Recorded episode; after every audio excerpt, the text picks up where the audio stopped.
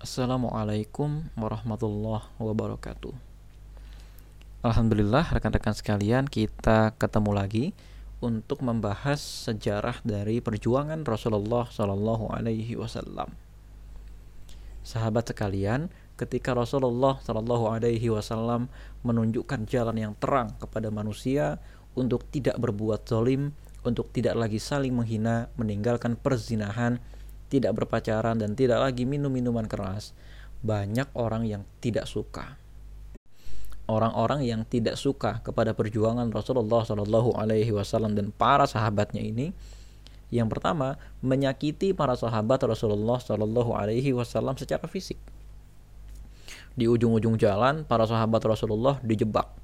Ada yang dipukul, ada yang kemudian ditangkap dan disiksa, ada yang dikerjain, Ya, contoh di antara mereka yang dipukul atau ditangkap dan disiksa adalah keluarga Yasir. Nah, keluarga Yasir ini Alkisah pada saat itu disiksa oleh satu kelompok namanya Bani Makhzum. Nah, yang menyiksa keluarga Yasir ini dari kalangan Bani Makhzum di antaranya adalah Abu Jahal. Bahkan siksaan yang mereka lakukan berakibat Yasir dan istrinya yaitu Sumayyah harus meninggal meregang nyawa karena siksaan mereka. Ini tentu hal yang sangat luar biasa. Dan bahkan ya Rasulullah Shallallahu Alaihi Wasallam sendiri sempat dijahili, tapi tidak ada seorang pun yang memukul Rasulullah Shallallahu Alaihi Wasallam atau menyiksa beliau karena masih takut dengan pamannya. Nah, pamannya ini adalah Abu Talib. Abu Talib adalah seorang pemimpin kota Mekah yang sangat berwibawa. Selama Abu Talib masih ada, Rasulullah Shallallahu Alaihi Wasallam tidak diganggu, tapi yang diganggu hanyalah para pengikut Rasulullah.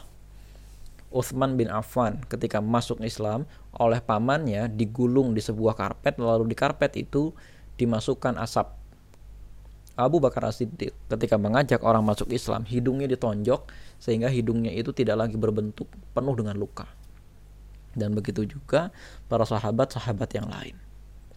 Nah, mengingat gangguan-gangguan ini semua, akhirnya Rasulullah Shallallahu Alaihi Wasallam memutuskan, yuk sebagian di antara kita mengungsi dulu. Karena apa? Kita harus tetap menjalankan syariat Islam. Akan tetapi kalau di sini kita menjalankan syariat Islam, kita akan dipukul, kita akan dibunuh, kita akan disiksa. Sebagian di antara mereka akhirnya berangkat ke daerah Habasyah. Habasyah itu di masa sekarang berubah namanya menjadi Ethiopia Dulu Habasyah atau Ethiopia itu dikuasai oleh seorang raja yang adil dan juga negeri itu adalah negeri yang kaya. Nah, kemudian rekan-rekan sekalian, saat itu yang membiayai kegiatan dakwah Rasulullah Shallallahu Alaihi Wasallam ada beberapa orang. Di antaranya adalah Abu Bakar As-Siddiq, lalu yang kedua adalah istri beliau sendiri, yaitu Khadijah radhiyallahu anha yang termasuk sebagai salah satu perempuan terkaya di kota Mekah. Nah, rekan-rekan sekalian, selama ini ketika umat Islam yang sedang diboykot atau umat Islam yang sedang uh, tidak diberikan makan oleh kelompoknya atau orang yang masuk Islam terus kemudian hartanya dirampok orang karena tidak suka dengan keislaman mereka, selama ini hartanya atau kehidupannya ditopang oleh Abu Bakar Siddiq, dibantu oleh Khadijah. Nah, suatu hari rekan-rekan sekalian ketika siksaan itu sedemikian dahsyat, suatu ketika Khadijah radhiyallahu anha meninggal karena sakit. Dan kemudian ini tentu saja meninggalkan rasa sedih yang begitu mendalam bagi Rasulullah Shallallahu Alaihi Wasallam karena selain ini adalah istrinya, ya ternyata Khadijah radhiyallahu anha inilah yang selama ini membiayai dakwahnya Rasulullah Shallallahu Alaihi Wasallam.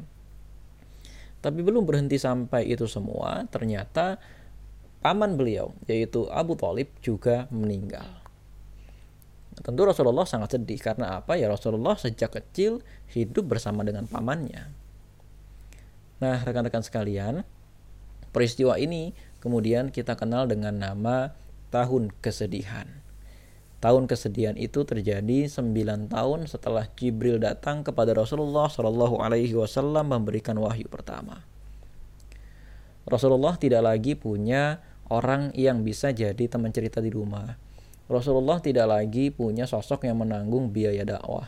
Rasulullah kini juga tidak punya lagi sosok paman atau sosok pemimpin yang melindungi kegiatan Rasulullah Shallallahu Alaihi Wasallam. Sejak meninggalnya Khadijah dan juga sejak meninggalnya Abu Talib, Rasulullah bertambah sedih karena tetangga-tetangga Rasulullah selalu berbuat jahat. Rumahnya Rasulullah kadang-kadang dilempari kotoran binatang atau kalau ada sampah ya sudah dibuangnya di rumah Rasulullah saja karena mereka membenci Rasulullah Shallallahu Alaihi Wasallam. Mereka tidak suka disuruh berhenti menyembah pohon mereka tidak suka disuruh berhenti menyembah patung. Mereka marah kepada Rasulullah Shallallahu Alaihi Wasallam. Di antara para tetangga Rasulullah yang terdekat hanya satu yang masuk Islam, namanya Hakam bin As. Rekan-rekan sekalian, ya dari peristiwa ini kita bisa belajar. Seakan-akan Allah Subhanahu wa taala ingin mengajarkan kepada Rasulullah Shallallahu alaihi wasallam sudah saatnya mandiri. Sudah saatnya naik kelas Memang dakwah itu butuh dana, dakwah itu butuh perlindungan, akan tetapi itu tidak abadi. Ketika kita minta perlindungan dari orang lain, ketika kita minta dana dari orang lain, biaya hidup kita ditanggung oleh orang lain, itu tidak abadi. Suatu saat kita harus mandiri. Suatu saat kita harus bisa menghidupi diri sendiri. Nah, rekan-rekan sekalian, ya dari peristiwa ini kemudian Allah Subhanahu wa taala Eh, mengajak Rasulullah Shallallahu Alaihi Wasallam langsung bertemu dengan Allah Subhanahu Wa Taala dalam peristiwa Isra Mi'raj. Dan ini menjadi hiburan tersendiri untuk Allah Subhanahu Wa Taala karena bertemu dengan Tuhan yang selama ini mematikan atau menghidupkan, memberikan rezeki, mengatur dunia ini dan lain-lain sebagainya sehingga Rasulullah Shallallahu Alaihi Wasallam tidak sedih lagi. Nah, rekan-rekan sekalian, dari peristiwa Isra Mi'raj ini ketika Rasulullah Shallallahu alaihi wasallam sudah tidak lagi terlalu sedih dengan kematian orang-orang di sekelilingnya, Rasulullah Shallallahu alaihi wasallam juga sadar suatu saat beliau akan mati. Inna kamayitu wa innahu mayitun. Kata Allah Subhanahu wa taala dalam surat Az-Zumar. Sungguhnya engkau juga akan mati dan mereka semua yang menjadi musuhmu juga akan mati. Akhirnya rekan-rekan sekalian, kelak suatu saat ya suatu saat kira-kira 14 tahun setelah tahun kesedihan Rasulullah Shallallahu Alaihi Wasallam akhirnya menderita sakit. Saat itu kalau melihat perjalanan Rasulullah di tahun kesedihan dakwah dalam kondisi yang benar-benar terpuruk. Kalau kita bertemu dengan Rasulullah mungkin kita tidak percaya apakah benar ini agama yang akan menang karena saat itu Rasulullah tinggal sendirian. Gak ada yang mau menolong Rasulullah, gak ada dana yang dipegang oleh Rasulullah, bahkan di mana mana Rasulullah itu diusir, pengikutnya terpaksa mengungsi. Kita mungkin gak percaya Allah. Ini juga nanti sebentar lagi Rasulullah akan berhenti. Tapi ternyata Rasulullah Shallallahu Alaihi Wasallam tidak berhenti. Menjelang kematian Rasulullah Shallallahu Alaihi Wasallam, kira-kira pada tahun ke-9 setelah hijrah atau kira-kira sekitar 13 tahun setelah tahun kesedihan Rasulullah Shallallahu Alaihi Wasallam berangkat memerangi kerajaan Romawi, membawa 30 ribu pasukan. Siapa yang pernah membayangkan? Orang yang dulunya diusir dari kota Mekah, orang yang dulunya dalam kondisi yang sangat rendah, ternyata berhasil memimpin 30 ribu pasukan yang mempercayai beliau untuk melawan kerajaan terkuat di muka bumi. Siapa yang bisa menyangka? Dan pada saat setahun kemudian, ketika Rasulullah Shallallahu Alaihi Wasallam memerintahkan manusia untuk bersama-sama beliau melaksanakan ibadah haji, ada 140 ribu orang yang menuruti panggilan Rasulullah Shallallahu Alaihi Wasallam. Nah, ini kira-kira kejadiannya sekitar 14 tahun setelah tahun kesedihan.